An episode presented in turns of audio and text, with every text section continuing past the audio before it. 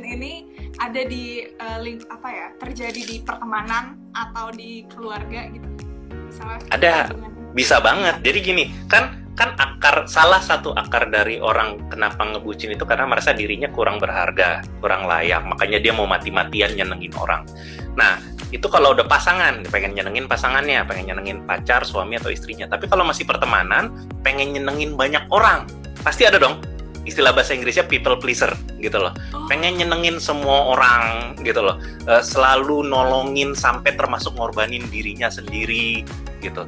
Jadi sikap-sikap yang pengorbanan berlebih demi orang lain itu bisa dibilang masuk ke dalam perbudakan. Belum tentu bucinnya ya karena konteksnya kan persahabatan gitu ya. Oh, iya. Gitu loh.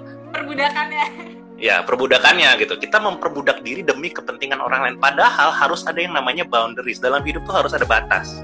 Ada kayak semacam garis batas kayak gue akan nolong orang sampai titik ini kalau misalnya dia emang nggak bisa dan dia menyakiti aku aku jauh dari dia. Nggak perlu aku tolong lagi.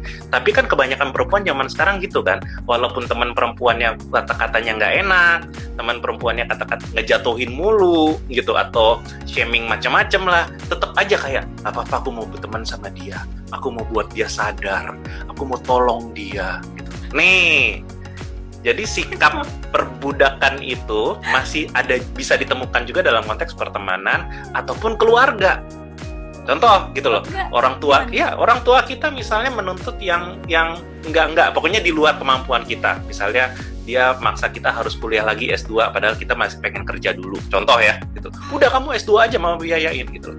Dan si anak ini karena ngerasa dirinya aduh ya udahlah aku aku aku senengin mama aku senengin papa gitu loh. Terus nikah aja. Kalau yang di daerah kita bicara iya, nikah. ya, ya. kamu usia berapa? Nikah kamu. Gitu loh. Ya, ya kan? tahun gitu. Ya udah nikah exactly. kita. Kamu kan exactly.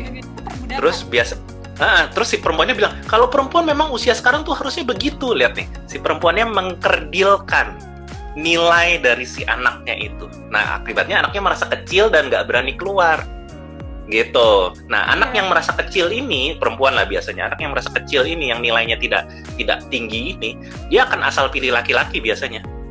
Makanya perempuan tuh seneng banget kalau istilahnya gini, aku pengen tahu dia serius apa enggak. Begitu laki-laki ngomong aku serius, perempuan tuh langsung langsung langsung ber. Padahal keseriusan itu bukan ucapan. Kalau ada seseorang kita balik nih ya misalnya saya jadi perempuan kamu jadi laki-laki kita balik lah role playnya kita balik.